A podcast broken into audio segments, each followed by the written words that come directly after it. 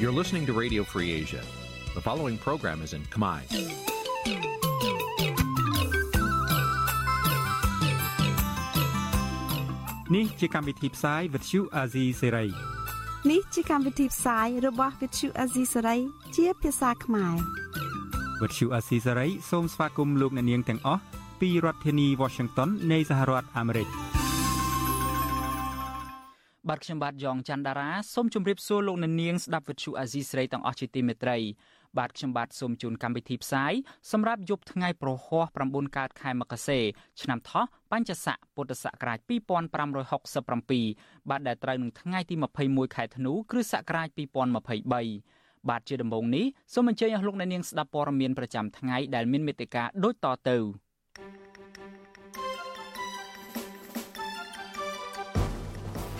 លោកហ៊ុនម៉ាណែតបញ្ជាឲ្យអាជ្ញាធរទប់ស្កាត់បទល្មើសព្រៃឈើឲ្យមានប្រសិទ្ធភាពអាណាព្យាបាលកុមាររងគ្រោះដោយសារទឹកដោះគោ Nutrilett ខកចិត្តនឹងប្រព័ន្ធយុតិធធកម្ពុជាលោកហ៊ុនម៉ាណែតបញ្ជាឲ្យអាជ្ញាធរចាប់ជនសង្ស័យដែលបើកឡានបុកកីឡាករវាយសីម្នាក់បណ្ដាលឲ្យស្លាប់ លោកថេងសាវឿនរក្សាជំហរចូលខ្លួនបំភ្លឺនៅតុលាការនៅក្នុងសំណុំរឿងក្បត់ជាតិរួមនឹងព័ត៌មានសំខាន់សំខាន់មួយចំនួនទៀត។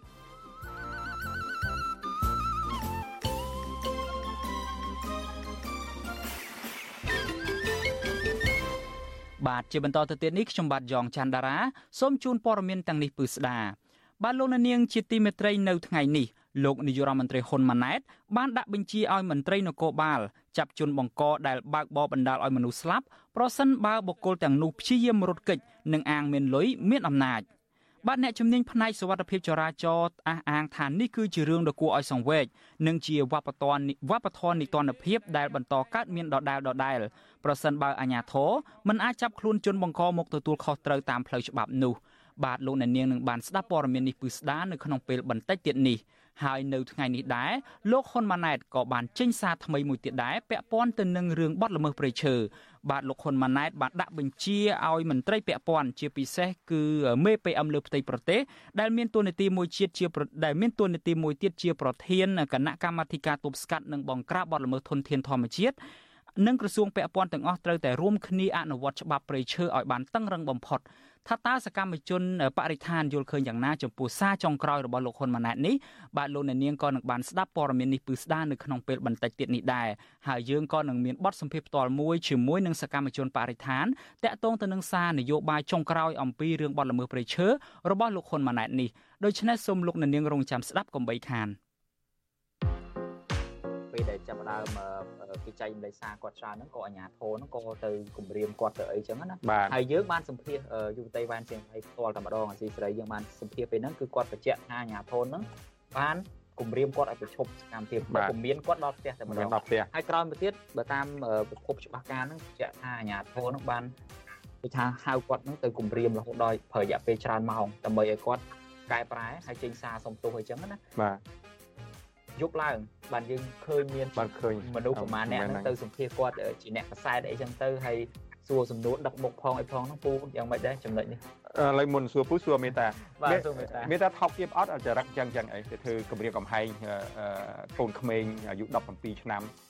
ដែលគ្នារៀនមិនទាន់បានដល់ថ្នាក់ទី9អីត្រឹមត្រូវស្រួល4ផងនេះអញ្ញាធមប្រើកាយវិការបែបហ្នឹងវា វាអសិលធម៌ហើយបើយើងនិយាយភាសាសាមញ្ញវាថោកទាបដល់កំពូលចាហើយគាត់ជាចាស់ទុំហើយគាត់ទៅគំនាបក្មេងដែលទៅតែអាយុ17ឆ្នាំ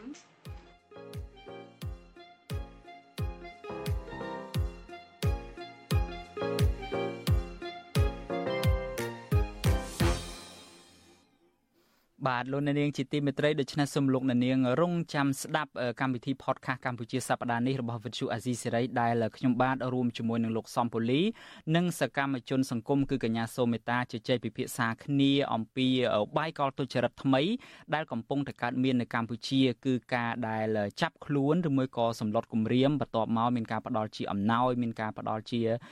អ្វីផ្សេងផ្សេងដើម្បីលួងចិត្តទៅដល់ក្រុមគ្រួសារឬមួយក៏អ្នកដែលបានបញ្ចេញមតិរិះគន់រដ្ឋាភិបាលហើយសូមលោកអ្នកនាងរងចាំស្ដាប់កុំបីខានយើងនឹងចាក់ផ្សាយកម្មវិធី podcast នេះនៅក្នុងកម្មវិធីរបស់យើងនៅព្រឹកថ្ងៃសៅរ៍មកនៅកម្ពុជាហើយនៅក្នុងកម្មវិធីផ្សាយរបស់ Vuthu Azizi សេរីនៅយប់ថ្ងៃច័ន្ទនៅក្នុងកម្មវិធីព័ត៌មាននោះយើងក៏នឹងចាក់ផ្សាយកម្មវិធី podcast នេះឡើងវិញដែរហើយក៏យើងមានភ្ជាប់ជាមួយនឹងវីដេអូផងដែរដូច្នេះសូមលោកអ្នកនាងរងចាំស្ដាប់និងបន្តគ្រប់គ្រងកម្មវិធី podcast របស់ Azizi សេរីនេះបន្តទៅមុខទៀត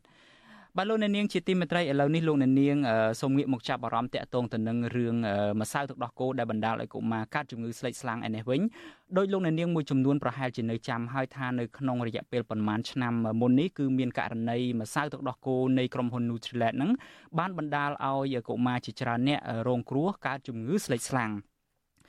ក្រុមគ្រួសារនិងឪពុកម្ដាយរបស់ជនរងគ្រោះជាច្រើនអ្នកបានប្តឹងផ្តល់ករណីនេះទៅតុលាការហើយឥឡូវនេះសំណុំរឿងនេះបានវិវត្តមកដល់តុលាការកំពូលហើយក៏ប៉ុន្តែលទ្ធផលនោះបែរជាមានការខកចិត្តទៅវិញពីក្រុមគ្រួសារដោយសារតែតុលាការកំពូលបានសម្រេចបង្វិលសំណុំរឿងនេះទៅឲ្យសាឡាវធរជំនុំជម្រះវិញនៅក្រោមហេតុផលថាភៀកគីជនរងគ្រោះគ្មានឯកសារគ្រប់គ្រាន់ បាទយើងប្រកុលនេតិនេះជូនដល់លោកថាថៃដើម្បីឲ្យលោករាយការណ៍ជូនលោកអ្នកនាងដូចតទៅបាទការប្រកាសសាលដីការបស់តុលាការកំពូលនៅថ្ងៃទី21ធ្នូប្រធានចៅក្រមជំនុំជម្រះលោកគង់ស្រីមបានសម្រេចបង្វិលសំណុំរឿងក្រុមហ៊ុនម្សៅទឹកដោះគោ Nutrilett ត្រឡប់ទៅសាលាឧទ្ធរវិញដើម្បីរកភ័ស្តុតាងបន្ថែមក៏ប៉ុន្តែអាណាព្យាបាលកុមាររងគ្រោះមិនពេញចិត្តនោះទេចំពោះការសម្រេចនេះដោយពួកគាត់លើកឡើងថាភិក្ខីក្រុមហ៊ុនមិនបានចូលរួមស្ដាប់ការប្រកាសសាលដីកាឡើយ ខណៈនៅក្នុងសវនាការនោះចៅក្រមបានអានសេចក្តីសម្រេចដោយមិនទុកឱកាសឲ្យភិក្ខីជនរងគ្រោះតវ៉ាដែរម្ដាយក្មេងរងគ្រោះលោកស្រីប៊ុនពេជ្រវតាប្រាប់វិទ្យុអាស៊ីសេរីនៅថ្ងៃទី21ធ្នូថាចំពោះសារដីការបស់តុលាការកំពូលដែលលើកឡើងថាភិក្ខីជនរងគ្រោះគ្មានឯកសារគ្រប់គ្រាន់គឺមិនសមស្របនោះឡើយព្រោះឆ្លងកាត់សវនាការច្រើនលើកមកហើយភិក្ខីដើមបណ្ដឹងបានបង្ហាញភ័ស្តុតាងរឹងមាំនិងសម្បូរបែបទាំងឯកសារផ្លូវច្បាប់និងលទ្ធផលធ្វើតេស្តពីមន្ទីរពិសោធន៍ និងអគ្គនាយកដ្ឋានការពារអ្នកប្រើប្រាស់កិច្ចការប្រកួតប្រជែងនិងបង្ក្រាបការក្លែងបន្លំ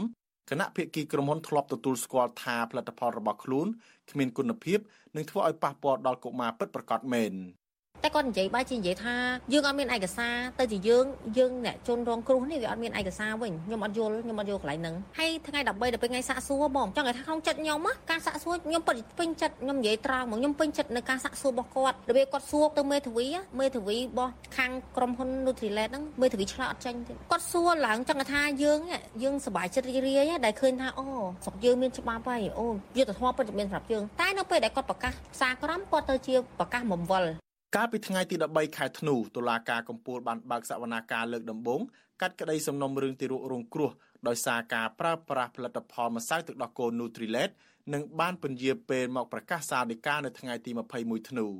នៅក្នុងសវនាការនោះក្រុមគ្រួសារក្មេងរងគ្រោះហាក់មានសង្ឃឹមថានឹងទទួលបានយុត្តិធម៌ព្រោះពួកគាត់មានភ័ស្តុតាងរឹងមាំឯជនជប់ចោតមិនបានចូលខ្លួនមកបំភ្លឺ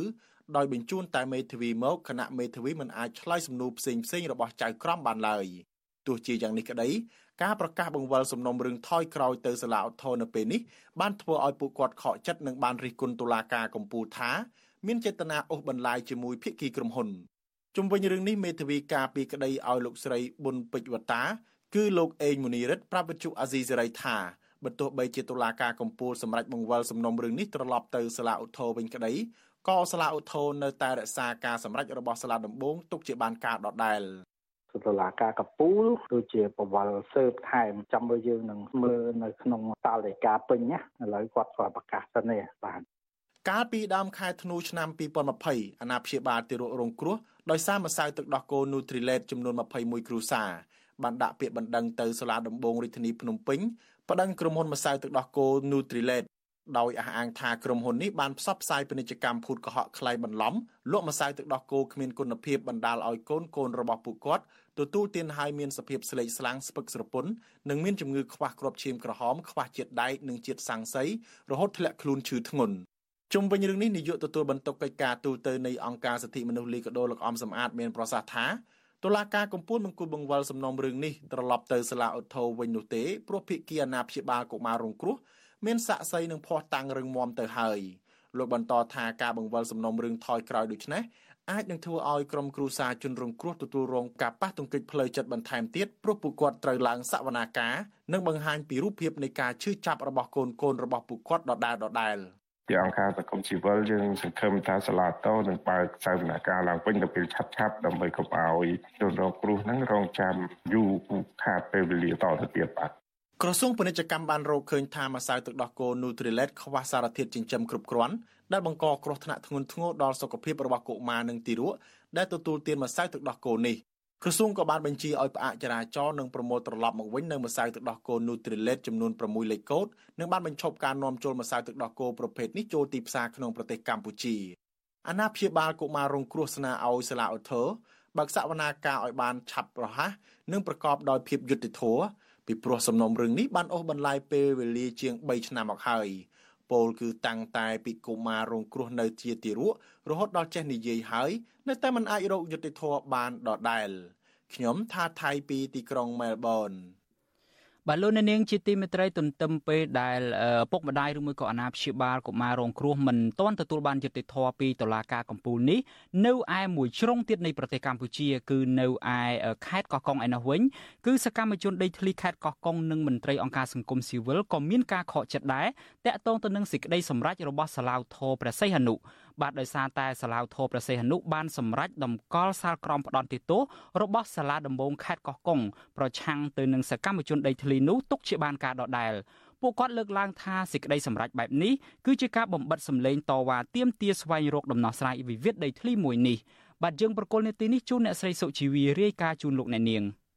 សកម្មជនដីធ្លីនៅខេត្តកោះកុងពីររូបគឺលោកស្រីផៅញើងនិងលោកស្រីសេងលីនលើកឡើងថាសាលាឧទ្ធរខេត្តប្រសេះហនុ នៅមិនទាន់បានផ្ដល់យុត្តិធម៌ជូនពួកគាត់ទាំងពីរនាក់ឲ្យបានពេញលេញនៅឡើយទេការលើកឡើងបែបនេះដោយសារតែកាលពីថ្ងៃទី19ខែធ្នូសាលាឧទ្ធរព្រះសីហនុបានប្រកាសសាលដីកាសម្រាប់ឲ្យពួកគាត់រួចផុតពីបទញុះញង់និងលុបចោលទោសដាក់ពន្ធនាគារប៉ុន្តែតុលាការក៏បានដំកល់ការផ្ដន្ទាទោសអ្នកទាំងពីរពីបទបរិហាកេរជាសាធារណៈប៉ុន្តែបន្ថយចំនួនសំណងរដ្ឋបវេនីមកនៅត្រឹម10លានរៀលវិញ។ ទោះបីជាដូចនេះក៏ដោយតុលាការបានបង្គាប់ឲ្យអ្នកទាំងពីរបង់ប្រាក់ពិន័យម្នាក់ម្នាក់ចំនួន4លានរៀលសកម្មជនដីធ្លីខេត្តកោះកុងលោកស្រីផៅញើងប្រាប់វិទ្យុអាស៊ីសេរីនៅថ្ងៃទី21ខែធ្នូថាលោកស្រីសោកស្ដាយចំពោះការសម្ដែងរបស់សាឡាវធរ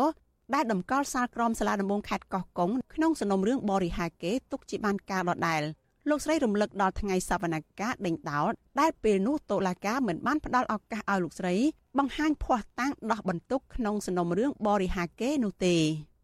កន្លែងនេះខ្ញុំមានអំណាងអំណាងមានផោះតាងមានអីត្រឹមត្រូវច្បាស់លាស់មានមេធាវីដើម្បីតតាំងតតល់គ្នាអីកន្លែងខ្លះយើងទៀមទាឲ្យតតល់មួយសាក់សីអីតឡាការមិនឲ្យពួកខ្ញុំតតល់ទេចឹងហើយខ្ញុំសោកស្ដាយនៅចំណុចខ្វះខាតមួយចំនួននេះខ្ញុំគិតថាជាការចងខ្ញុំទុកដើម្បីបំបិតសេរីភាពកុំឲ្យប្រជាពលរដ្ឋដទៃទៀតចេញមុខតវ៉ាទៀមទាដូចខ្ញុំឲ្យរៀងឲ្យចាលឲ្យកុំឲ្យទៅរស់ស៊ីនៅខាងក្រៅនៅណានៅណីបានឲ្យក្រលអាហេមហាមអញ្ចឹងឲ្យវេទនាដើម្បីឲ្យថ្ងៃក្រោយថ្ងៃមុខជាគំរូកុំឲ្យប្រជាពលរដ្ឋដទៃទៀតចេះដឹងរឿងសង្គម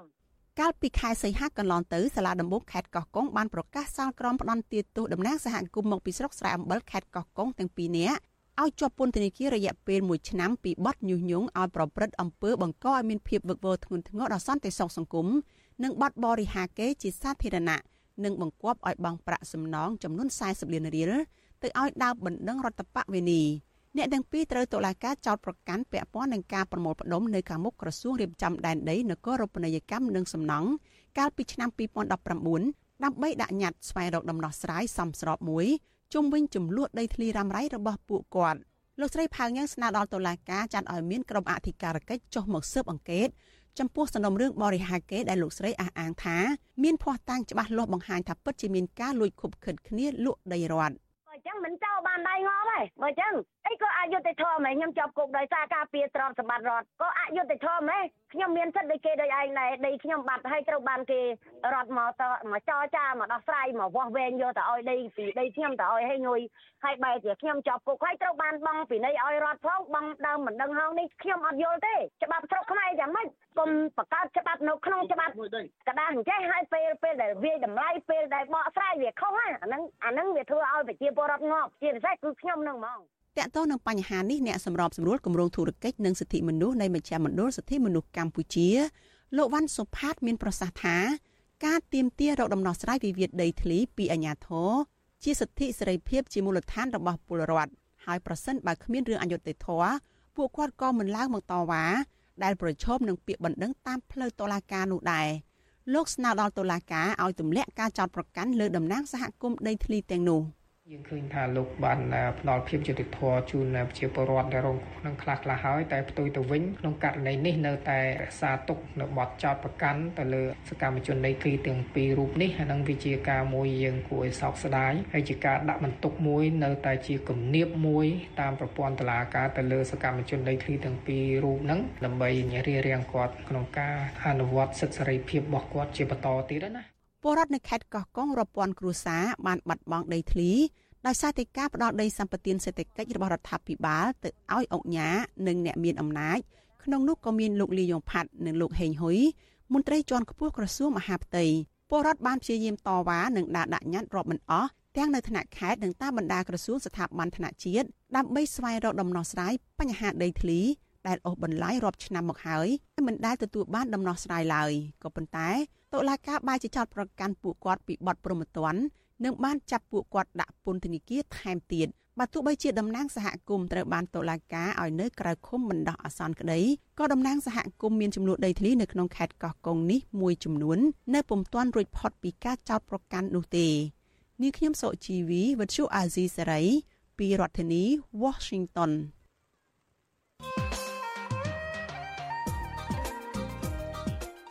បាទលោកនាងជាទីមេត្រីអស់រយៈពេលជិត40ឆ្នាំមកហើយដែលកម្ពុជាទើបតែផ្លាស់ប្ដូរមេដឹកនាំថ្មីជាលើកដំបូងអ្វីត្បិតតែលោកហ៊ុនសែនព្រមចាក់ចេញពីតំណែងជានាយករដ្ឋមន្ត្រីក្តីក៏លោកនៅតែមិនប្រកល់តំណែងនេះទៅឲ្យអ្នកណាផ្សេងក្រៅពីកូនរបស់គាត់នោះដែរនៅក្នុងវេទិកាអ្នកស្ដាប់វិទ្យុអាស៊ីសេរីនៅយប់ថ្ងៃសុក្រស្អែកនេះ យើងនឹងពិនិត្យមើលឡើងវិញថាតើលោកហ៊ុនសែនបានរៀបចំចាត់ចែងបែបណានៅក្នុងឆ្នាំ2023នេះមុននឹងផ្ទេរតំណែងឲ្យកូនប្រុសរបស់លោកបាទហើយថាតើនៅឆ្នាំ2024ខាងមុខនេះលោកហ៊ុនសែនអាចនឹងដកខ្លួនចេញពីការដឹកនាំរបស់លោកហ៊ុនម៉ាណែតឬក៏លោកនៅតែក្តោបក្តាប់អំណាចនៅពីក្រោយខ្នងដដែលនោះបាទសូមលោកអ្នកនាងរងចាំស្ដាប់នីតិវេទិកាអ្នកស្ដាប់វិទ្យុអាស៊ីសេរីដែលនឹងជជែកអំពីបញ្ហានេះនៅយប់ថ្ងៃសុក្រស្អែកនេះកុំបីខាន។ បាទប្រសិនបើលោកអ្នកនាងមានសំណួរឬមួយក៏ចង់ចូលរួមបញ្ចេញមតិយោបល់លោកអ្នកនាងអាចដាក់លេខទូរស័ព្ទរបស់លោកអ្នកនាងនៅក្នុងខ្ទង់ comment Facebook និង YouTube នៅពេលដែល Vithu Azizi សេរីផ្សាយផ្ទាល់នៅពេលនោះបាទក្រុមការងាររបស់យើងនឹងហៅទៅលោកអ្នកនាងវិញបាទសូមអរគុណ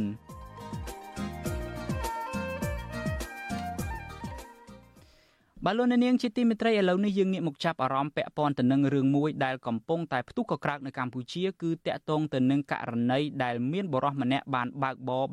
បុកមនុស្សស្លាប់ហើយមានការស្នើសុំចង់ឲ្យមានការសម្រួលក្រៅប្រព័ន្ធតុលាការដោយបង់លុយត្រឹមតែ1000ដុល្លារនោះ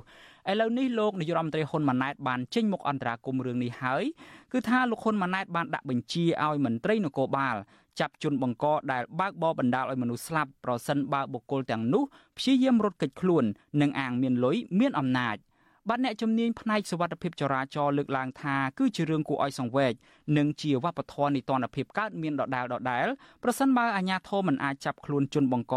យកមកទទួលខុសត្រូវតាមផ្លូវច្បាប់បានទេនោះបាទលោកទីនហ្សាការីយ៉ារាយការណ៍ព័ត៌មាននេះលោកនាយករដ្ឋមន្ត្រីហ៊ុនម៉ាណែតបានដាក់បញ្ជាទៅមន្ត្រីនគរបាលចរាចរណ៍ ឲ្យខាត់ខ្លួនអ្នកបើករថយន្តដែលបុកមនុស្សបណ្ដាលឲ្យស្លាប់នៅនឹងកន្លែងដោយមិនចាំបាច់រងចាំបញ្ជាពីថ្នាក់លើនោះទេលោកហ៊ុនម៉ាណែតបន្តថាលោកនឹងការពារទូនាទីមន្ត្រីដែលហ៊ានធ្វើបែបនេះបើសិនជាមន្ត្រីថ្នាក់លើឬជនបង្កគម្រិតកំហែងដកទូនាទីមន្ត្រីនគរបាលដែលអនុវត្តច្បាប់នោះលោកហ៊ុនម៉ាណែតថ្លែងបែបនេះនៅក្នុងពិធីបិទសន្និបាតបូកស្របការងារប្រចាំឆ្នាំរបស់ក្រសួងបរិស្ថាន នៅថ្ងៃទី21ធ្នូ ហើយមេដែលចាត់តែងបងប្អូនអនុវត្តច្បាស់ហើយដាក់ពិន័យបងប្អូនដែលធ្វើខុសគ្មានមូលហេតុខ្ញុំនឹងចាត់វិធានការបើមិនចឹងគ្នាខំធ្វើត្រូវទៅលើកទឹកចិត្តបើគ្នាធ្វើត្រូវហើយដោយសារបញ្ហាឯមួយត្រូវដាក់ទណ្ឌកម្មគ្នាទៅបំបាក់ទឹកចិត្តអ្នកផ្សេងទៀតមិនឲ្យធ្វើតើសង្គមយើងទៅយ៉ាងណាចាំបាច់តតមានការចាំបាច់តទូរស័ព្ទទៅអីឬមួយតតែថ្នាក់លើស្រែកតាមស្អីទៅឲ្យចាអនុវត្តតែម្ដងសូមអនុវត្តតែម្ដងពោះវាវិលមុខពេកច្បាប់យើងទៅអនុវត្ត បើមានពោះតាំងផឹកសវឹងគេបុកប៉ុណ្្នឹងហើយខាត់ខ្លួនយកទៅចាំបាច់សុំច្បាប់អីទៀតវត្ថុតាំងសាកសីនៅនឹងហើយ ការបញ្ជារបស់លោកហ៊ុនម៉ាណែតនេះក្រោយពីមានករណីគ្រោះថ្នាក់ចរាចរណ៍ដែលបង្កដោយកូនប្រុសរបស់មេធាវីព្រំវិចិត្រសោភា គឺលោកព្រំវិចិត្រសុសក្តាដែលបានបើកឡានទំនើបប្រណាំងជាមួយឡានទំនើបមួយគ្រឿងផ្សេងទៀតរួចក៏ជ្រុលទៅបុកលោកសៀងគឹមហុងនៅសង្កាត់បឹងកក់2បណ្ដាលឲ្យស្លាប់ និងបានរត់គេចខ្លួនកាលពីយប់ថ្ងៃទី14ធ្នូជនរងគ្រោះគឺលោកសៀងគឹមហុងគឺជាកីឡាករវាយសីដែលបានឈ្នះមេដាយមាសក្នុងព្រឹត្តិការណ៍ SEA Games ដែលកម្ពុជាធ្វើជាម្ចាស់ផ្ទះលើកដំបូងកាលពីខែឧសភាឆ្នាំ2023ក្រោយពីបង្កគ្រោះថ្នាក់ចរាចរណ៍ឪពុកជនបង្កបានគម្រិតកំហែងនិងព្យាយាមផ្ដល់លុយ1000ដុល្លារជូនគ្រួសាររងគ្រោះក្នុងពិធីបន់សពដើម្បីដកពាក្យប្តឹងទោះជាយ៉ាងណាប្រពន្ធលោកសៀងកំហុង គឺលោកស្រីគ្រុយឈិងលៀងបានបង្ហោះវីដេអូលើគេហទំព័រ Facebook នាពេលកន្លងទៅដោយលោកស្រីបដិសេធទទួលយកសំណងចំនួន1000ដុល្លារនោះលោកស្រីគ្រុយឈិងលៀងក៏បានបង្ហោះសារលើ Facebook បង្ហាញពីភាពអយុត្តិធម៌មកលើគ្រួសាររបស់លោកស្រី បន្ទាប់មក មហាជនចែករំលែកនិងបញ្ចេញមតិរិះគន់អាញាធរដែលមិនចាប់ខ្លួនជនបង្កហើយប្រតិកម្មរបស់មហាជននេះបានធ្វើឲ្យមន្ត្រីជាន់ខ្ពស់រដ្ឋាភិបាលចេញបញ្ជាឲ្យអាជ្ញាធរចាប់ខ្លួន ទោះជាយ៉ាងណាបន្ទាប់ពីគ្រោះថ្នាក់ចរាចរណ៍អស់រយៈពេលជាង1សប្តាហ៍មកអាជ្ញាធរនៅតែមិនទាន់អាចចាប់ខ្លួនជនបង្កឲ្យមកចូលខ្លួនដោះស្រាយនៅឡើយទេបើទោះបីជារដ្ឋមន្ត្រីក្រសួងយុទ្ធភ័ពលោកកើតរិទ្ធនិងតំណាងអាយការាជធានីភ្នំពេញបានចេញដីកាបញ្ជាឲ្យចូលខ្លួនក៏ដោយចំណែកឯអគ្គស្នងការនគរបាលជាតិបានបង្ហោះសារនៅលើ Facebook កាលពីថ្ងៃទី20ធ្នូ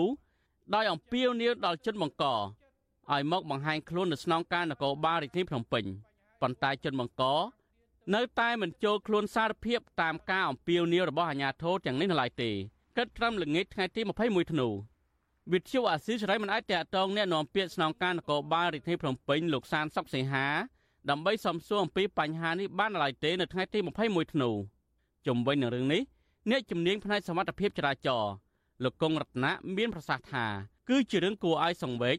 និងជាវប្បធម៌នៃតន្តភាព បន្តកើតមានដដាលដដាលដោយសារតែជនបង្កដែលជាអ្នកមានលុយមានអំណាចមានលទ្ធភាពកិច្ចខ្លួនបានបើទោះជាអាញាធរនិងបរដ្ឋខ្មែរបានស្គាល់មុខជនបង្កហើយក្តីលោកគង់រតនៈបានបន្តថាពេលដែលអាញាធរមិនអាចចាប់ខ្លួនជនបង្កបាននឹងធ្វើឲ្យបរដ្ឋអស់ជំនឿរហូតឈានដល់ការប្រើប្រាស់ប្រព័ន្ធតុលាការប្រជាជនកាត់សេចក្តីដោយខ្លួនឯងនៅកន្លែងកើតហេតុថែមទៀតផង ប្រជាពលរដ្ឋនិងមន្ត្រីសង្គមស៊ីវិលកត់សម្គាល់ថាបើទោះបីជាច្បាប់ចែងអំពីការដាក់ទោសធ្ងន់ធ្ងរបែបនេះក្តីក៏ការផ្ដន្ទាទោសកម្រកើតមានណាស់បើសិនជាជនបង្កគឺជាអ្នកមានលុយនិងមានអំណាចជាក់ស្ដែងករណីបកគលឈ្មោះសោមនរិទ្ធីឃាបើករថយន្តបុកម៉ូតូមួយគ្រឿងនៅលើស្ពានជ្រោយចង្វាបណ្ដាលឲ្យទារកម្នាក់ស្លាប់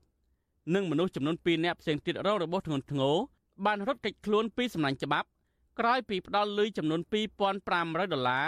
ដើម្បីបញ្ចប់រឿងចំណែកករណីអភិបាលខេត្តមណ្ឌលគិរីលោកថងសាវុនក៏បានបើកឡានទំនើបបុកបរត2នាក់ស្លាប់ភ្លាមភ្លាមកាលពីខែសីហាឆ្នាំ2021ហើយមកទល់ពេលនេះអាជ្ញាធរក៏មិនទាន់ស្រាវជ្រាវនិងផ្ដល់យុត្តិធម៌ដល់ជនរងគ្រោះនៅឡើយដែររថយន្តទំនើបរបស់លោកជៀមយៀបជាអនុប្រធានរដ្ឋសភាមកពីគណៈបកប្រជាជនកម្ពុជាក៏ធ្លាប់បើកបុកអ្នកធ្វើដំណើរនៅលើដងផ្លូវ ហើយរត់ដែលបណ្ដាលឲ្យស្ត្រីជាប្រពន្ធមានផ្ទៃពោះស្លាប់និងប្តីរងរបួសធ្ងន់ធ្ងរនៅស្រុកគៀនស្វាយកាលពីឆ្នាំ2013ដែរហើយលោកក៏នៅតែមានសេរីភាពនិងកាន់តែមានទូនាទីធំជាងមុនថែមទៀតផងខ្ញុំបាទទីនសាការីយ៉ាអាស៊ីសេរី ប្រធានាធិបតី Washington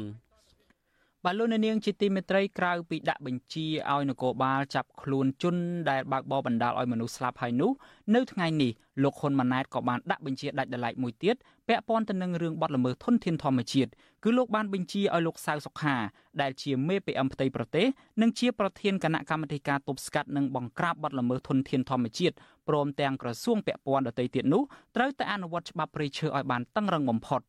បាទនៅពេលបន្តិចទៀតនេះយើងនឹងមានសេចក្តីរាយការណ៍ព័ត៌មានមួយអំពីរឿងនេះហើយក៏នឹងមានបទសម្ភាសន៍ផ្ទាល់មួយជាមួយនឹងសកម្មជនបរិស្ថានចង់ដឹងថាតើពួកគាត់យល់បែបណាចំពោះការលើកឡើងរបស់លោកហ៊ុនម៉ាណែតនេះដូច្នេះសូមលោកអ្នកនាងរងចាំស្ដាប់ព័ត៌មានហើយនឹងបទសម្ភាសន៍ផ្ទាល់នេះនៅពេលបន្តិចទៀតនេះបាទកម្មវិធី Vithu Azizi ស្រីសម្រាប់ទូរស័ព្ទដៃអាចឲ្យលោកអ្នកនាង អានអត្ថបទទស្សនាវីដេអូនិងស្ដាប់ការផ្សាយផ្ទាល់ដោយឥតគិតថ្លៃ និងដោយគ្មានការរំខានដើម្បីអាននិងទស្សនាមេតិការថ្មីថ្មីពី Vithu Azizi Saray លោកអ្នកនាងគ្រាន់តែចុចបាល់កម្មវិធីរបស់ Vithu Azizi Saray ដែលបានដំឡើងរួចរាល់លើទូរស័ព្ទដៃរបស់លោកអ្នកនាងប្រសិនបើលោកអ្នកនាងចង់ស្ដាប់ការផ្សាយផ្ទាល់ឬការផ្សាយចាស់ចាស់សូមចុចលើប៊ូតុងរូបវិទ្យុ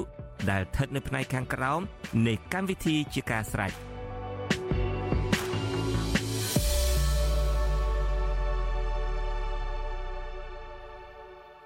បាទលោកនាងជាទីមេត្រីយើងងាកទៅចាប់អារម្មណ៍ពាក់ព័ន្ធទៅនឹងរឿងនៅឯខេត្តកំពង់ធំឯណោះវិញ មានប្រជាពលរដ្ឋប្រមាណនឹង300នាក់បានតវ៉ានៅមុខសាលាឃុំនីពេជ្រនៅក្នុងស្រុកកំពង់ស្វាយខេត្តកំពង់ធំស្នើឲ្យមេឃុំដោះស្រាយបញ្ហាម្ចាស់ដីមួយកន្លែងដែលមិនអនុញ្ញាតឲ្យពលរដ្ឋធ្វើធ្វើផ្លូវធ្វើដំណើរនោះបាទមន្ត្រីអង្គការសង្គមស៊ីវិលលើកឡើងថាអាជ្ញាធរមូលដ្ឋានគួរតែដោះស្រាយបញ្ហារបស់ប្រជាពលរដ្ឋនិងកសាងផ្លូវជូនប្រជាពលរដ្ឋឲ្យបានឆាប់បាទអ្នកស្រីម៉ៅសុធីនីរាយការណ៍ព័ត៌មាននេះក្រមប្រជាប្រដ្ឋដែលបាននាំគ្នាតវ៉ានៅខាងមុខសាលាឃុំនីពេជ្រ ដោយបានដាំបាយក្រាកស៊ូដែលរងចាំមេឃុំដោះស្រាយបញ្ហាម្ចាស់ដីមួយកន្លែងគម្រាមកំហែងមិនឲ្យពលរដ្ឋធ្វើផ្លូវពីចំណុចវត្តនិពេជ្រទៅកាន់ភូមិរបស់ពួកគាត់ក្រមប្រជាប្រដ្ឋលើកឡើងថាការចេញតវ៉ារបស់ពួកគាត់គឺឲ្យតឡាការដោះលែងលោកលោតឡាញ់ដែលកំពុងជាប់ពន្ធនាគារដោយសារតែឈូសឆាយផ្លូវឲ្យប្រជាប្រដ្ឋបានធ្វើដំណើរបរដ្ឋក៏បានស្នើឲ្យតឡាការទម្លាក់ចោលការចោទប្រកាន់ ទៅលើបរដ្ឋ4នាក់ដែលបានចូលរួមឈូសឆាយផ្លូវនិងឲ្យមេឃុំសម្រាប់សម្រួលជាមួយម្ចាស់ដី ដើម្បីឲ្យប្រជាប្រដ្ឋមានផ្លូវធ្វើដំណើរដោយដើមឡើងវិញប្រពន្ធលោកលោតឡាញ់ដែលកំពុងជាប់ពន្ធនាគារនៅខេត្តកំពង់ធំ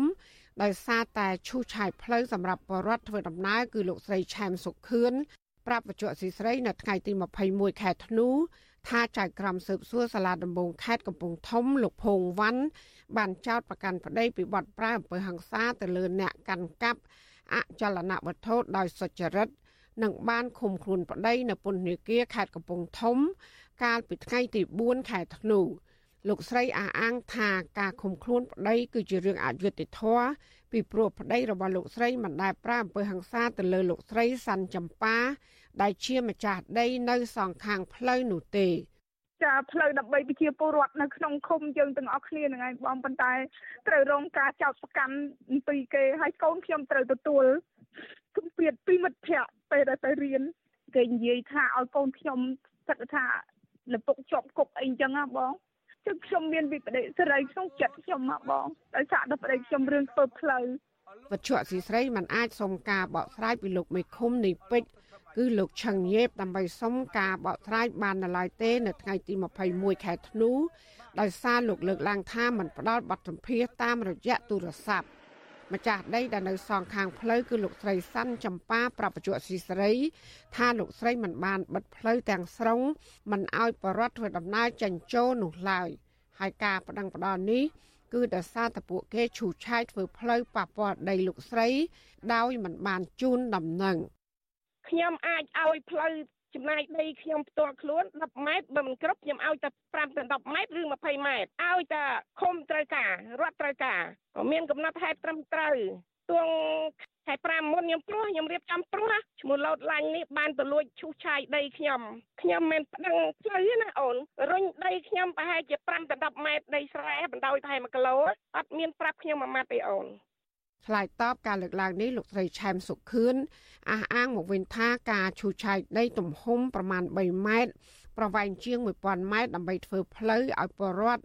អាចធ្វើដំណើរបានស្រួលឡើងវិញកាលពីខែឧសភាកន្លងទៅ គឺប្តីរបស់លោកស្រីបានប្រាប់មេភូមិបឹងឈូកជាមុនហើយខ្ញុំឆ្ងល់ថាគាត់បើគាត់ឲ្យគេអញ្ចឹងអាដាលចុះប្រជាពលរដ្ឋធ្វើគាត់ទៅប្តឹងចាប់ប្រជាពលរដ្ឋធ្វើអីបងខ្ញុំសួរអញ្ចេះបានប្រជាពលរដ្ឋជួយធ្វើហើយមិនជួយសម្រាលដល់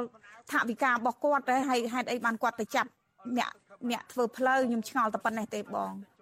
ជុំវិញរឿងនេះអ្នកនាំពាក្យសមាគមការពារសិទ្ធិមនុស្សអាត6លោកសង្សានករណាមានប្រសាសន៍ថាអាញាធរមូលដ្ឋាន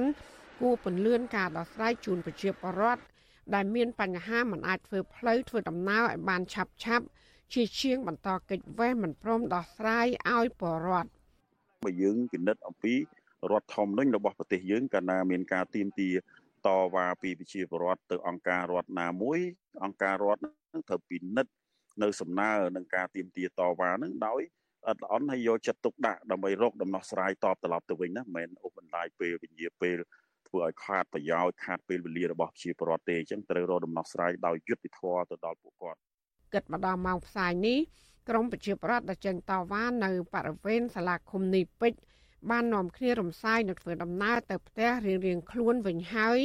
បន្ទាប់ពីមេឃុំនីពេជ្រលោកឆឹងញេបចេញមកបកស្រាយថាប្រជាប្រដ្ឋត្រូវតែសុំការអនុញ្ញាតពីលោកស្រីសាន់ចម្ប៉ាជាមុន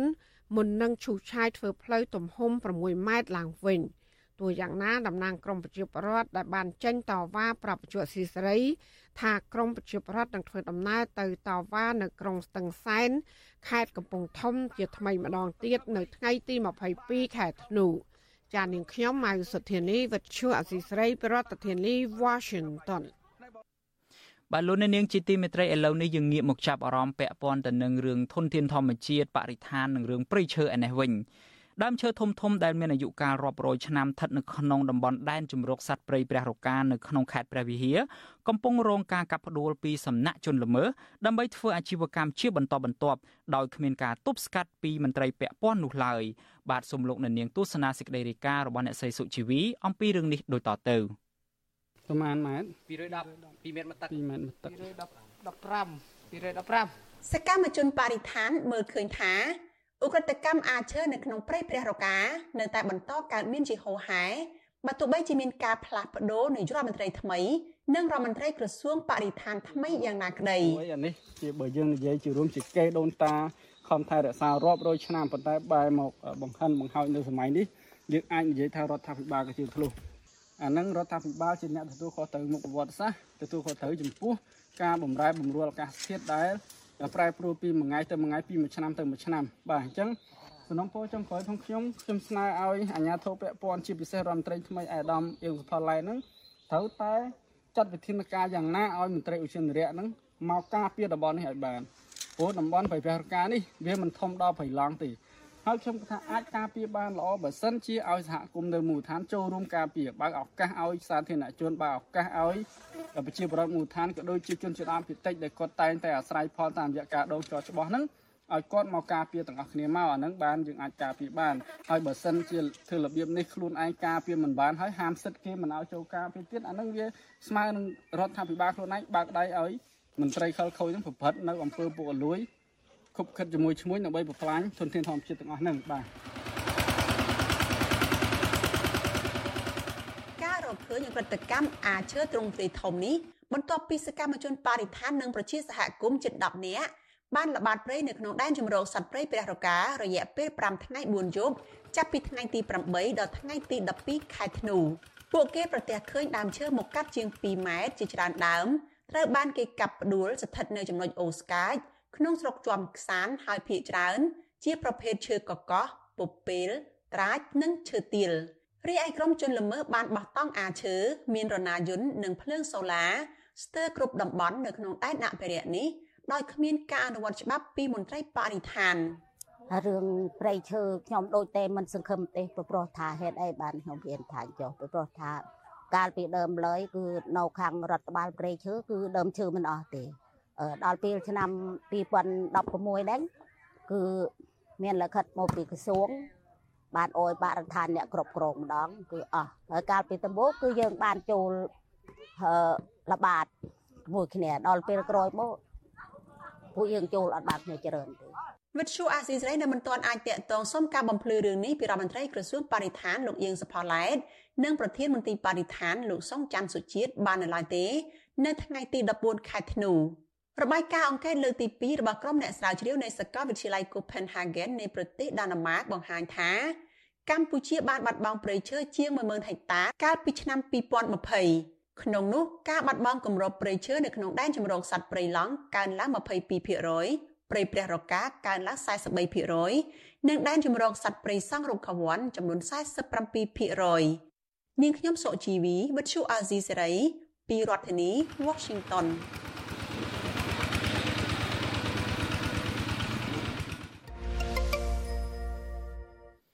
បាទលោកនាងជាទីមេត្រីលោកលោកនាងបានទស្សនាហើយនឹងបានស្ដាប់អំបញ្ញមិញនេះហើយគឺថាបទល្មើសព្រៃឈើនៅតែកើតមានខ្លាំងដដែលនៅកម្ពុជា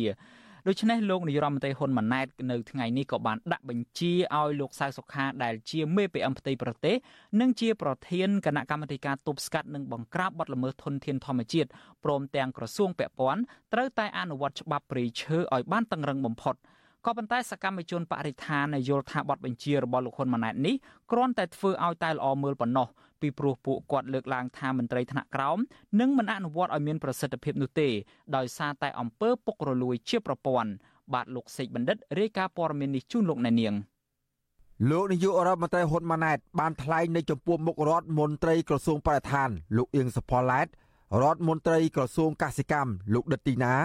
និងមន្ត្រីពាក់ព័ន្ធមួយចំនួនទៀត ថាប្រសិនបើមិនទប់ស្កាត់បទល្មើសព្រៃឈើនោះទេ មនុស្សភៀសតិចទទួលបានផលប្រយោជន៍ហើយមនុស្សជាច្រើននឹងរងទុក្ខលំបាកវេទនាលោកថាអ្នកដែលធ្វើចំនួនឈើខុសច្បាប់ទទួលបានប្រាក់ចំណេញកន្លងទៅក៏ត្រូវទទួលខុសត្រូវចំពោះមុខច្បាប់ដែរលោកហ៊ុនម៉ាណែតថ្លែងបែបនេះនៅក្នុងពិធីបិទសន្និបាតបូកសរុបការងារក្នុងឆ្នាំ2023 និងលើកទិសដៅការងារឆ្នាំ2024ដែលរៀបចំឡើងដោយក្រសួងបរិស្ថាន នៅរសៀលថ្ងៃទី21ធ្នូលោកប្រមានថាប្រសិនបើមិនអនុវត្តច្បាប់តាមបទបញ្ជានេះទេ មន្ត្រីពាក់ព័ន្ធនឹងមានបញ្ហាយើងខ្ញុំសូមចេញបញ្ជាឲ្យបណ្ដាសមត្ថកិច្ចពាក់ព័ន្ធទាំងអស់អនុវត្តច្បាប់ឲ្យបានតឹងរឹងបំផុតចំពោះអ្នកបាត់ប្រព្រឹត្តបទល្មើសនិងតាក់ព័ន្ធធនធានបទល្មើសធនធានធម្មជាតិនេះ សូមឲ្យគណៈកម្មការជាតិទប់ស្កាត់បង្ក្រាបបទល្មើសធនធានធម្មជាតិអាដាមនីដាមសៃសៅសកាកានេះអត់បានជួយមកគណៈវិជាការឯកភាពរាជធានីខេត្តជាអនុវត្តផ្ទាល់ដោយមានកងរាជអាវុធហត្ថលើផ្ទៃប្រទេសត្រៀមផ្ដល់សហការគ្រប់គ្រងចាំបាច់ឆ្លើយតបនឹងការលើកឡើងបែបនេះសកម្មជនសិទ្ធិមនុស្សនិងបរិស្ថាន លោកម៉ាចត្រាយល់ឃើញថា ការអនុវត្តច្បាប់ព្រៃឈើប្រសិនបើរងចាំតែបទបញ្ជាម្ដងម្កាលបែបនេះឆ្លុះបញ្ចាំងថា ច្បាប់គ្មានអធិបុលការពារសម្បត្តិជាតិឲ្យបានគង់វង្សនោះទេលោកស្នើឲ្យអាជ្ញាធរអនុវត្តច្បាប់ជាប្រចាំគម្រងចាំតែបទបញ្ជា ប័ណ្ណបញ្ជាយើងឃើញហើយទូទៅ បានថាយ៉ាងយូរមួយខែហ្នឹងវាលែងមានអ្នកធ្វើតាមទៀតអញ្ចឹងខ្ញុំសំណូមពរឲ្យបន្ថែមនៅការអនុវត្តច្បាប់ហ្នឹងឲ្យបានតឹងរឹងជាជាងការអនុវត្តប័ណ្ណបញ្ជាហើយបើសិនជាអាចខាងរដ្ឋាភិបាលហ្នឹងគួរតែមានគេថាក្រុមអធិការកិច្ចសម្ងាត់មួយទៅដើម្បីទៅធ្វើការសិក្សាស្រាវជ្រាវពីបទល្មើសបៃឈើហ្នឹងដូចរាល់ថ្ងៃនេះខ្លួនឯងអត់សមត្ថភាពក្នុងការការពារហើយគាត់ហាមគេមិនឲ្យចូលរួមការពារជាមួយទៀតអាហ្នឹងវាមានន័យថាបៃឈើហ្នឹងវាអាចគង់វង្សបានទេ ក្នុងសន្និបាតនេះរដ្ឋមន្ត្រីក្រសួងបរិស្ថាន លោកអៀងសុផល្លែតក៏បានដាក់ចេញនៅវិធានការមឹងម៉ាត់បំផុតក្នុងការទប់ស្កាត់បទល្មើសធនធានធម្មជាតិដោយបញ្ចប់រាល់វប្បធម៌ចុះកិច្ចសន្យាដោះលែងអ្នកប្រព្រឹត្តបទល្មើសធនធានធម្មជាតិរីឯប្រជាសហគមន៍ការពីប្រៃព្រះរកានៅខេត្តព្រះវិហារលោកហេតណៃយល់ថា មន្ត្រីពាក់ព័ន្ធថ្នាក់ក្រោមជាតិនឹងមិនអនុវត្តតាមបទបញ្ជានេះទេព្រោះអំពើពុករលួយ និងការរដ្ឋបិទសហគមន៍មិនឲ្យចូលព្រៃអភិរក្សនៅតែកើតមានដដែលធ្វើឲ្យវិបត្តិព្រៃឈើមិនអាចដោះស្រាយបាន លោកថាក្រមជនល្មើសនិងមន្ត្រីជំនាញត្រូវរើគ្នាទទួលផលប្រយោជន៍ពីបទល្មើសព្រៃឈើនិងការទុនទានដីព្រៃធ្វើចំការ ក្នុងតំបន់អភិរក្សដែលគ្រប់គ្រងដោយក្រសួងបរិស្ថាន។ ប័ណ្ណជាចេះប័ណ្ណជាបញ្ហាក៏ធ្វើមិនបានព្រោះអីចូលទៅត្រូវគ្នាជាមួយនឹងបលិសអញ្ចឹងណាថារឿងអ្នកដែលលួចកាត់ឈើលើកដាក់ឈើអីហ្នឹងនៅតែមានហូហែដដែលដែលវាអត់មានលុបបំបត្តិបានណារឿងបាត់របឺព្រៃឈើទាំងទេពីមុនមានទាំងកាត់បំផ្លាញព្រៃកាត់ជ័យឈើឥឡូវនេះចូលរៀនដីរៀនឃ្លីប្រងព្រាតពេញមកដែនចម្រោកនឹងឯងកាលពីឆ្នាំ2022អង្គការគំនិតព្រួយប្រាមសកល ប្រឆាំងនឹងឧក្រិដ្ឋកម្មឆ្លងដែន បានចេញរបាយការណ៍ស្ដីពីលទ្ធផលស្រាវជ្រាវពីមេធៀងអំពើខុសច្បាប់នៃរចនាសម្ព័ន្ធកັບឈើខុសច្បាប់នៅកម្ពុជា បង្ហាញថាប្រព័ន្ធការពារគ្នាទៅវិញទៅមក ដែលបង្កើតឡើងដោយក្រមគ្រួសារអតីតលោកនាយករដ្ឋមន្ត្រីហ៊ុនសែនជាមួយនឹងក្រុមអុកញ៉ានិងកងកម្លាំងប្រដាប់អាវុធធ្វើឲ្យមានវិនាសកម្មប្រៃឈើនៅកម្ពុជាដូច្នេះហើយទើបការប្រកាសបដិញ្ញាដាក់ជីវិតរបស់លោកហ៊ុនសែន និងមន្ត្រីយោធាកម្ពុជាកម្ពុជាក្នុងការការពារព្រៃឈើទៅសកម្មជនបរិស្ថាន និងក្រុមអង្គការជាតិនិងអន្តរជាតិនៅតែមើលឃើញថាมันមានប្រសិទ្ធភាព ហើយបទល្មើសព្រៃឈើនៅតែបន្តកើនឡើងទ្រង់ទ្រាយធំ ហើយអ្នកប្រព្រឹត្តទាំងនោះភ ieck ច្រើនពាក់ព័ន្ធនឹងក្រុមគូសាសាច់ញាតិរបស់លោកនាយករដ្ឋមន្ត្រីហ៊ុនម៉ាណែតតែម្ដងខ្ញុំបាទសេកបណ្ឌិតវុទ្ធុអាស៊ីសេរីពីរដ្ឋធានីវ៉ាស៊ីនតោន បាទលោកនាងជាទីមេត្រីតកតងទៅនឹងរឿងសាររបស់លោកហ៊ុនម៉ាណែតអំពីការទប់ស្កាត់បទល្មើសព្រៃឈើនេះដែរឥឡូវនេះយើងបានភ្ជាប់ទៅកាន់វាគ្មិនមួយរូបដើម្បីឲ្យលោកផ្ដល់ទស្សនៈបន្ថែមថាតើសារមួយនេះនឹងមានប្រសិទ្ធភាពបែបណានោះយើងមានវាគ្មិនមួយរូបចូលរួមជាមួយយើងនៅពេលនេះគឺលោកអូឡាទីនដែលជាមន្ត្រីសម្របសម្រួលនៃសមាគមបណ្ដាញយុវជនកម្ពុជាហៅកាត់ថា CYN ចូលរួមជាមួយយើងតាមប្រព័ន្ធ Skype ខ្ញុំបាទសូមជម្រាបសួរលោកអូឡាទីនបាទបាទសូមជម្រាបសួរបាទ បាទអរគុណលោកអូឡាទីនថ្ងៃនេះយើងបានជួបគ្នាម្ដងទៀតហើយក្រោយពីបានសម្ភាសលោកកាលពីលើកមុនអំពីរឿងបទល្មើសព្រៃឈើរឿងធនធានធម្មជាតិនេះដែរហើយលោកមិនទាន់អស់ចិត្តនៅឡើយទេកាលហ្នឹងខ្ញុំចាំបានឥឡូវនេះយើងមានការវិវត្តថ្មីមួយទៀតហើយគឺលោកនាយរដ្ឋមន្ត្រីហ៊ុនម៉ាណែតបានចេញសារជាលើកដំបូងបង្អស់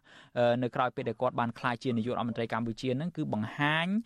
ឬមួយក៏ដាក់ចេញនៅបទបញ្ជាឲ្យទប់ស្កាត់បទល្មើសធនធានធម្មជាតិជាពិសេសគឺរឿងកាប់បំផ្លាញព្រៃឈើនេះក្នុងនាមលោកជាយុវជនជាសកម្មជនមួយរូបជាមន្ត្រីអង្គការសង្គមស៊ីវិលដែលតែងតែចុះទៅល្បាតព្រៃជាញឹកញាប់ដែរនោះថាតើលោកលោកយល់យ៉ាងណាដែរចំពោះការដាក់ចេញនៅបទបញ្ជានៅពេលនេះបាទបាទជារបបខ្ញុំសូមថ្លែងបង្គំព្រះធរានុធាគ្រប់ព្រះអង្គហើយសូមជម្រាបសួរបងប្អូនជនរួមជាតិដែលពេញនិយមស្ដាប់ការផ្សាយរបស់វិទ្យុអស៊ីសេរីបាទ ពាក់ព័ន្ធជាមួយនឹងការលើកឡើងរបស់លោកនាយករដ្ឋមន្ត្រីហ៊ុនម៉ាណែតដែលគាត់ទប់តែឡើងតំណែងបានជាង100ថ្ងៃមួយនេះអឺសម្រាប់ខ្ញុំខ្ញុំគ្រប់គ្រងនិងសាទរចំពោះការដាក់ចេញនៅវិធានការតឹងរឹងក្នុងការអឺទប់ស្កាត់និងបង្ក្រាបបទល្មើសធនធានធម្មជាតិនៅក្នុងប្រទេសកម្ពុជានៅក្នុងអាណត្តិរបស់គាត់ក៏ប៉ុន្តែសម្រាប់ជា ខ្លួនខ្ញុំផ្ទាល់ខ្ញុំហាក់មិនទាន់មានជំនឿចិត្ត100%នោះទេទៅលើការបង្ហាញឆន្ទៈរបស់គាត់ក្នុងការទប់ស្កាត់និងបង្ក្រាបបទល្មើសទុនធានធម្មជាតិខ្ញុំហាក់មិនទាន់មានជំនឿចិត្ត100%ហ្នឹងនៅត្រង់ថាចំណុចទី1ខ្ញុំសង្កេតឃើញថាកន្លងទៅនៅពេលដែលក្រមសហគមន៍សកម្មជនហើយនឹងដៃគូអភិវឌ្ឍ ធ្វើការផ្សព្វផ្សាយឬក៏បង្ហាញអំពីផុសតាងនៃការប្រព្រឹត្តបទល្មើសនៅក្នុងតំបន់ដែនអភិរក្សអឺមន្ត្រីក្រសួងបរិស្ថានខ្លួនឯងហ្នឹងគឺគាត់បានធ្វើការបដិសេធហើយនឹង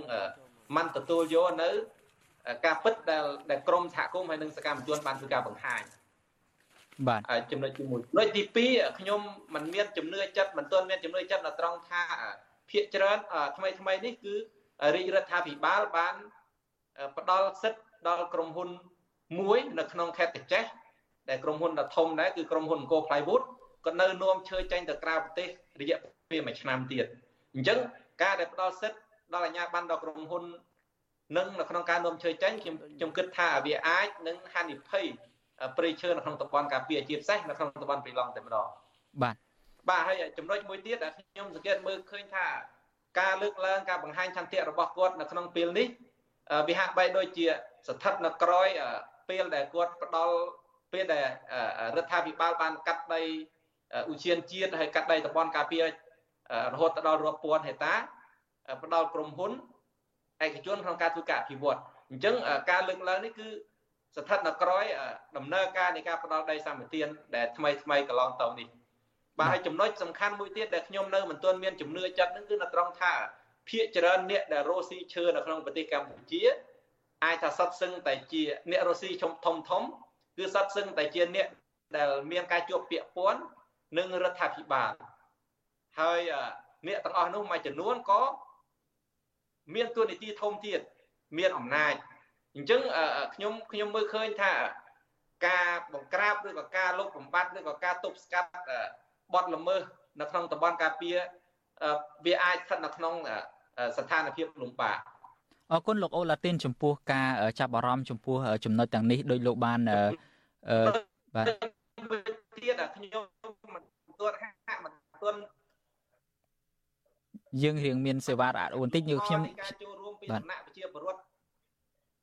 ពីសំណាក់ប្រជាពលរដ្ឋទាំងក្រមសកម្មជនហើយនិងសហគមន៍មូលដ្ឋានគឺគាត់មិនទាន់មានលំហគ្រប់គ្រាន់នៅក្នុងការចូលរួមចំណែកក្នុងកិច្ចការពារធនធានធម្មជាតិនោះទេ ជាពិសេសសហគមន៍មូលដ្ឋាននៅក្នុងតំបន់ព្រៃឡង់នៅក្នុងតំបន់ព្រៃព្រះរកាហើយនឹងក្រមសកម្មជនដែលតែងតែធ្វើការបង្ហាញអំពីស្ថានភាពនៃការបាត់បង់ទុនធានធម្មជាតិគឺនៅរងសម្ពាធហើយនៅមានលំហតូចនៅឡើយទេអញ្ចឹងដើម្បីបង្ហាញថាឆន្ទៈនេះអាចអនុវត្តទៅបានល្អប្រសើរខ្ញុំជឿថាការបើកលំហដល់ប្រជាពលរដ្ឋចូលរួមពីពីរបៀបចម្រោះគ្នាហើយទទួលយកការពិត ធ្វើចំណាត់ការអនុវត្តច្បាប់ជាជាងដែលអនុវត្តតាមបទបញ្ជាព្រោះអនុវត្តបទបញ្ជាពេលខ្លះវាមិនអាចបានថិតថេរទេតែមួយគ្រាមួយគ្រាអញ្ចឹងបើសិនជាអនុវត្តច្បាប់ឲ្យតឹងរឹងវាគឺជាយន្តការដ៏ល្អបំផុតបន្ថែមទៀតជំនួយទៅលើការអនុវត្តតាមបទបញ្ជាបាទបាទ អរគុណលោកអូឡាទីនចំពោះការរៀបរាប់នៅចំណុចទាំងនេះហើយចំណុចមួយចំនួនយើងក៏បានឃើញទាំងអស់គ្នាដែរការតាំងចិត្តការអះអាងថាដូចថាចង់ទប់ស្កាត់បទល្មើសព្រៃឈើធនធានធម្មជាតិនេះគឺកើតឡើងតាំងពីសម័យកាលនៃការដឹកនាំរបស់លោកយុរ៉ាំតៃហ៊ុនអតីតលោកយុរ៉ាំតៃហ៊ុនសែនមកម្លេះកាលហ្នឹងយើងអ្នកណាអ្នកណាក៏នៅចាំដែរគាត់បានប្រកាសកាត់កកគាត់កវត្តចោលទៀតបើសិនជាគាត់ទប់ស្កាត់បទល្មើសព្រៃឈើអត់បានហើយលោកសៅសុខាឯនោះវិញកន្លងមកយើងក៏ធ្លាប់ដឹងដែរធ្លាប់ពមៀននឹងប្រើអាវុធធនធ្ងន់បាញ់សម្ដៅទៅដល់ទីតាំងដែលមានបទល្មើសព្រៃឈើនឹងថែមទៀតក៏ប៉ុន្តែយើងមិនបានឃើញទេក៏នៅតែជាប់នៅលើស្មារបស់លោកហ៊ុនសែនហើយលោកសៅសុខាក៏មិនដែលប្រើអាវុធធនធ្ងន់ឯណាដែរហើយជាទូទៅ សកម្មជនបរិស្ថានអ្នកការពារធនធានធម្មជាតិមិនដែលចង់ឲ្យប្រើអាវុធអីណាទៅបាញ់ទីចឹងទេពីព្រោះវាជាអាចឈានដល់ការបាត់បង់អាយុជីវិតមនុស្សវាផ្ទុយនឹងច្បាប់ជាតិអន្តរជាតិណាការរឿងឃាតកម្មអាចទៅជារឿងឃាតកម្មទៅវិញណាប៉ុន្តែសូមឲ្យតែត្រឹមទប់ស្កាត់បាត់ល្មើសព្រៃឈើឲ្យមានប្រសិទ្ធភាពទៅប៉ុន្តែបន្តិចម្ដងបន្តិចម្ដងការទប់ស្កាត់ហ្នឹងក៏មិនបានមានប្រសិទ្ធភាពនឹងហើយសហគមន៍មូលដ្ឋានក៏លែងអាចចុះទៅល្បាតព្រៃឈើថែមទៀតដោយលោកអូឡាទីនបានរៀបរាប់បំបញ្ញមិញហ្នឹង ខ្ញុំមានចំណុចមួយទៀតតកតងទៅនឹងសាររបស់លោកហ៊ុនម៉ាណែតនឹងដែរគាត់បាននិយាយថាបើសិនជាឲ្យមានករណីនឹងនៅបន្តទៀតមនុស្សមួយក្រុមតូច ទទួលបានផលប្រយោជន៍ប៉ុន្តែមនុស្សជាច្រើនផ្សេងទៀតនឹងប៉ះពាល់អំពីរឿងនេះវាហាក់ដូចជាសបញ្ជាក់ឲ្យឃើញថាគាត់ទទួលស្គាល់អំពីបទល្មើសព្រៃឈើនៅកំពុងតែកើតមាននឹងហើយគាត់ថាអ្នកដែលទទួលបានផលប្រយោជន៍ពីរឿងបទល្មើសព្រៃឈើនឹងក៏ត្រូវតែប្រឈមទៅនឹងផ្លូវច្បាប់ដែរអ្នកដែលបានប្រយោជន៍បានលុយបានកាក់ពីរឿងហ្នឹងតើលោកគិតថាអាចពួកគេនឹងអាចប្រឈមទៅនឹងផ្លូវច្បាប់ពិតមែនដែរទេលោកអូឡាទីនបាទអឺត្រង់ចំណុចនេះសម្រាប់ខ្ញុំខ្ញុំនៅ តដែលខ្ញុំហាក់នៅមិនទាន់មានជំនឿចិត្ត100%នោះទេមិនទាន់មានជំនឿចិត្តនៅត្រង់ថាអ្នកដែលបានប្រយោជន៍នឹងមួយចំនួនធំក៏មានការជួបពាក់ព័ន្ធជាមួយនឹងរដ្ឋាភិបាលដែរហើយអ្នកខ្លះក៏ជាអ្នកមានអំណាចទៅទៀតអញ្ចឹងហើយការការកាត់សាច់ខ្លួនឯងខ្ញុំជឿថាវាគឺជារឿងដ៏លំបាកមួយដែរប៉ុន្តែទោះជាយ៉ាងណាក៏ដោយខ្ញុំក៏ សាទរក៏សប្បាយចិត្តដែរបើសិនជាការលើកឡើងនេះវាសម្រេចតាមការលើកឡើងរបស់គាត់ហើយអាចអនុវត្តទៅបានណាប៉ុន្តែខ្ញុំនៅនៅមិនទាន់មានជំនឿចិត្តទេបាទបាទអរគុណលោកអូឡាទីនលោកមានប្រសាសន៍អំពីរឿង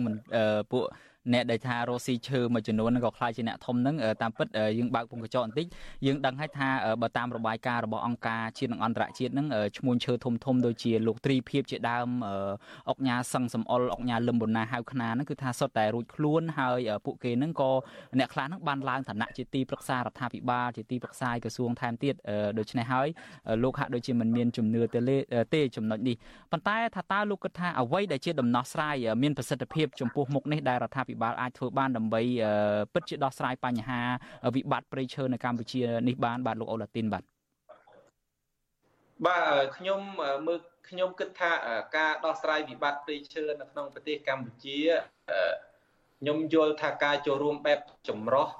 ការធ្វើកិច្ចការងារគ្នាបែបចម្រុះទាំងភាគីរាជរដ្ឋាភិបាលដៃគូអភិវឌ្ឍហើយនិងសកម្មជនសហគមន៍មូលដ្ឋានធ្វើកិច្ចការងាររួមគ្នាខ្ញុំគិតថា វាគឺជាយន្តការដ៏ល្អដែរហើយចំណុចសំខាន់មួយទៀតខ្ញុំខ្ញុំគិតថាសូមឲ្យរដ្ឋាភិបាលឈប់ចាត់ទុកក្រមអ្នកដែលរួមចំណែកជួយការពារព្រៃឈើថាជាក្រមប្រឆាំងឬក៏ជាក្រមបម្រើបរទេសដោយងាកមកកិច្ចសហប្រតិបត្តិការគ្នាហើយចាត់ទុកប្រជាពលរដ្ឋគឺជាខែលដ៏សំខាន់ពីព្រោះប្រជាពលរដ្ឋនៅមូលដ្ឋាន មានតែពួកគាត់ទេដែលនៅក្នុងគៀកព្រៃហើយគាត់ដឹងថាស្ថានភាពព្រៃរបៀបម៉េច ហើយអាជ្ញាធរសូមឲ្យមានភាពរហ័សរហួននៅក្នុងការចុះទៅបង្ក្រាបនិងធ្វើការទប់ស្គាត់ទប់ស្កាត់ហើយអនុវត្តច្បាប់ឲ្យបានមឹងម៉ាត់ឲ្យបានតឹងរឹងបំផុតដោយដែលយុទ្ធសាស្ត្រចក្រាវិស័យបឋានដែលក្រសួងបឋានបានដាក់ចេញថ្មីថ្មីណាអញ្ចឹងខ្ញុំខ្ញុំមើលឃើញថាការអនុវត្តច្បាប់ការធ្វើកិច្ចការងារបែបចម្រុះហើយការរៀនទទួលយកការពិតក្លាហាននៅក្នុងការទទួលយកការពិត វាគឺជាចំណុចសំខាន់ហើយក៏ជាចំណុចមួយដែលគួរតែផ្ដល់គំរូភាពដែរព្រោះខ្ញុំឃើញកន្លងទៅរដ្ឋមន្ត្រីក្រសួងបរិស្ថានទាំងរដ្ឋរដ្ឋមន្ត្រីចាស់ហើយនិងរដ្ឋមន្ត្រីថ្មីដែលគាត់ទប់ឡើងកាន់មិនទាន់បានបាន100ថ្ងៃជាងមួយនេះគាត់ហាក់បីដូចជាមិនទាន់មានភាពក្លាហាននៅក្នុងការទទួលយកការពិតពីអ្វីដែលក្រមសហគមន៍មូលដ្ឋានក្រមសកម្មជនបានធ្វើការបង្ហាញណាកន្លងទៅ ពេលដែលធ្វើការផ្សព្វផ្សាយគាត់តែងធ្វើការច្រានចោលធ្វើការបកស្រាយហើយมันផ្ដល់ដំណោះស្រាយទេហើយកន្លងទៅថ្មីថ្មីនេះករណីនៅខេត្តកំពង់ធំហើយនឹងករណីនៅក្នុងតំបន់ដែលជំនួសសហព្រីព្រារកាក៏មានការឆ្លើយបាយជាហេតុដែរប៉ុន្តែសួរថាតើបញ្ហានៅក្នុងតំបន់នោះកើតមានមែនឬក៏អត់ពេលខ្លះ ខ្ញុំខ្ញុំមើលទៅហាក់បីដូចជាមិនទាន់បានទៅពិនិត្យអំពីទីតាំងលេខនិយមការនឹងឲ្យបានច្បាស់លាស់ទៅមើលថាជាក់ស្ដែងផងគាត់បានធ្វើការបកស្រាយបញ្យលសាធារណជនដោយមានពាក្យពេចន៍មួយចំនួនដែលដែលក្នុងនាមខ្ញុំជាយុវជនកម្ពុជាដែរខ្ញុំគិតថាពិបាកទទួលយកដែរបាទអញ្ចឹងកន្លែងនេះខ្ញុំគិតថាគួរតែក្លាហាននៅក្នុងការទទួលយកការពិតហើយធ្វើកិច្ចការងារបែបចម្រុះ ជាមួយគ្នាជាមួយសហគមន៍មូលដ្ឋានបើលំហសេរីភាពដល់ប្រជាពលរដ្ឋមូលដ្ឋានឲ្យគាត់ធ្វើកិច្ចការងារជាមួយទៅគាត់ឃើញអីគាត់និយាយហ្នឹងគាត់ឃើញអំពើពុករលួយគាត់បង្ហាញពីអំពើពុករលួយគាត់ឃើញបញ្ហាបទល្មើសធនធានធម្មជាតិគាត់បង្ហាញពីបញ្ហាបទល្មើសធនធានធម្មជាតិហើយអាជ្ញាធរចាំសហការជាមួយនឹងគាត់ដោយចុះកិច្ចអន្តរាគមន៍ឲ្យបានទាន់ពេលវេលាបើសិនជារកឃើញថាព័ត៌មានទាំងអស់នោះគឺជាព័ត៌មានដែលប្រជាពលរដ្ឋភូតភោកុហកនិយាយមិនការពិតអានឹង ចាំរដ្ឋាភិបាលចាត់វិធានការទៅលើអ្នកធ្វើសេចក្តីរាយការណ៍វិញប៉ុន្តែបើសិនជារកឃើញថាបញ្ហានឹងគឺជាបញ្ហាដែលកើតឡើងការពិតមន្ត្រីដែលមានទួនាទីនៅក្នុងការអនុវត្តឬក៏ការពារនៅក្នុងតំបន់ដែនជម្រកសត្វព្រៃនឹងទៅទទួលខុសត្រូវដូចគ្នាទទួលខុសត្រូវចំពោះមុខច្បាប់ដូចគ្នាអញ្ចឹងអានឹងបានវាយុត្តិធម៌ទាំងអស់គ្នានៅក្នុងការរួមចំណែកនៅក្នុងការការពារទុនធានធម្មជាតិហើយបរិស្ថានក៏ទទួលបានយុត្តិធម៌ទាំងអស់គ្នាដែរប៉ុន្តែពេលខ្លះគោលនយោបាយមានស្រាប់ ច្បាប់មានស្រាប់ពញាមិនធ្វើការអនុវត្តមិនធ្វើការឲ្យបានល្អប្រសើរនៅពេលដែលបញ្ហាកើតឡើងខ្លាំងមែនទែនបានចាប់ផ្ដើមមានជាចំណាត់ការឬក៏មានជាអនុសាសន៍ហើយចាប់ផ្ដើមអនុវត្តអនុសាសន៍មកប្រាវអញ្ចឹងទៅអឺពេកពេកទៅស្ងាត់ទៅវិញអញ្ចឹងនេះគឺជាចំណុចខ្សោយមួយដែលវិបត្តិព្រៃឈើនៅក្នុងប្រទេសរបស់យើងពិបាកនៅក្នុងការធ្វើការដោះស្រាយហើយមួយទៀត សូមឲ្យផ្ដល់លំហសេរីភាពដល់សហគមន៍មូលដ្ឋានឲ្យគាត់មានលំហនៅក្នុងការនិយាយរិះគន់អំពីបញ្ហាបទល្មើសឬក៏បញ្ហាអំពើពុករលួយនៅក្នុងវិស័យធនធានធម្មជាតិនឹងឲ្យបានទូលំទូលាយព្រោះពេលខ្លះគុំនៅសហគមន៍ខ្លះនៅពេលដែលគាត់ធ្វើការបង្ហាញគាត់រងនៅអាអាគេហៅសម្ពាធដែរគាត់នៅមានការខ្លាចហើយមានការដាក់សម្ពាធឬក៏ធ្វើទុកបុកម្នេញទៅដល់ប្រកួតជាដើមអញ្ចឹងវាវាមិនបានផ្ដល់គំរូភាពដល់ យុវជនឬក៏ដល់ប្រជាពលរដ្ឋយើងឲ្យគាត់ចូលរួមជាមួយហ៊ាននិយាយការពិតហ៊ានប្រាប់ការពិតដល់រដ្ឋាភិបាលហើយរដ្ឋាភិបាលដោះស្រាយទៅខ្ញុំគិតថាទៅយើងអាចការពារធនធានធម្មជាតិបានតាមការលើកឡើងរបស់លោកនាយករដ្ឋមន្ត្រីថ្មីណាបាទបាទអរគុណលោកអូឡាទីនអ្វីដែលលោកមានប្រសាសន៍អំបញ្ញមិញនេះអនុសាសន៍នេះក៏យើងចាប់អារម្មណ៍ចំណុចមួយដែរឃើញមានការរិះគន់ព្រាតនៅលើបណ្ដាញសង្គមអីហ្នឹងតកតងទៅនឹងការងាររបស់ខាងក្រសួងបរិស្ថានហ្នឹងពេលខ្លះគាត់លើកឡើងតតគ្នាថាហាក់ដូចជាអេសមិនចំរមាស់សោះឬមួយក៏អារឿងបទល្មើសព្រៃឈើកើតឡើងពេញតំបន់ការពារដែលស្ថិតនៅដែនអំណាចរបស់ក្រសួងបរិស្ថានហ្នឹងគាត់មិនសូវធ្វើទេរដ្ឋមន្ត្រីឯណោះងាកទៅចាប់អារម្មណ៍រឿងរឿងសម្រាមដែលមានលក្ខណៈថាតាមសហគមន៍មូលដ្ឋានដែលអាចដោះស្រាយនៅមូលដ្ឋានបានហ្នឹងគាត់ទៅងាកទៅរឿងហ្នឹងវិញគាត់ងាកទៅរឿងមើលកសិដ្ឋានដាំកូនឈើរឿងអីណាចឹងទៅវិញណាមើលទៅជាលក្ខណៈស្រាលស្រាលហើយអ្នករិះគន់នានាឬមួយក៏សកម្មជនហ្នឹងជំរុញបន្តឲ្យម្ដងទៀតចង់ឲ្យរដ្ឋមន្ត្រីហ្នឹង ចូលទៅតំបន់ការពារចូលទៅចោះអង្កេតឬមួយក៏ទៅសិក្សាផ្ទាល់ជាជាងការធ្វើតែការងារនៅថ្នាក់ជាតិដែលមានលក្ខណៈដែលពួកគាត់ថាស្រាលស្រាលអេសមិនចំរមាស់អីហ្នឹងហើយយើងនឹងរងចាំមើលបន្តទៀតថាតើបទបញ្ជានេះរបស់លោកហ៊ុនម៉ាណែតពិតជាអាចអនុវត្តបានមែនឬមួយក៏យ៉ាងណានោះដូច្នេះមកដល់ត្រឹមនេះខ្ញុំបាទសូមអរគុណលោកអូឡាទីនច្រើនដែលបានចំណាយពេលផ្ដល់បទសម្ភាសន៍នៅពេលនេះបាទសូមជម្រាបលាបាទ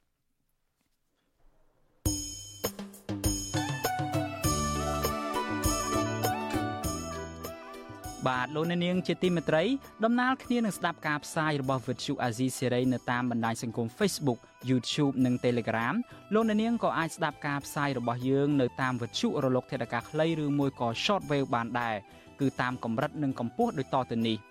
បាទពេលព្រឹកចាប់ពីម៉ោង5កន្លះដល់ម៉ោង6កន្លះតាមរយៈប៉ុស SW 12.14 MHz ស្មើនឹងកម្ពស់ 25m និងប៉ុស SW 13.71 MHz ស្មើនឹងកម្ពស់ 22m ពេលយប់ចាប់ពីម៉ោង7កន្លះដល់ម៉ោង8កន្លះតាមរយៈប៉ុស SW 9.33 MHz ស្មើនឹងកម្ពស់ 32m ប៉ុស SW 11.88 MHz ស្មើនឹងកម្ពស់ 25m និងប៉ុស SW 12.15 MHz ស្មើនឹងកម្ពស់ 25m បាទសូមអរគុណ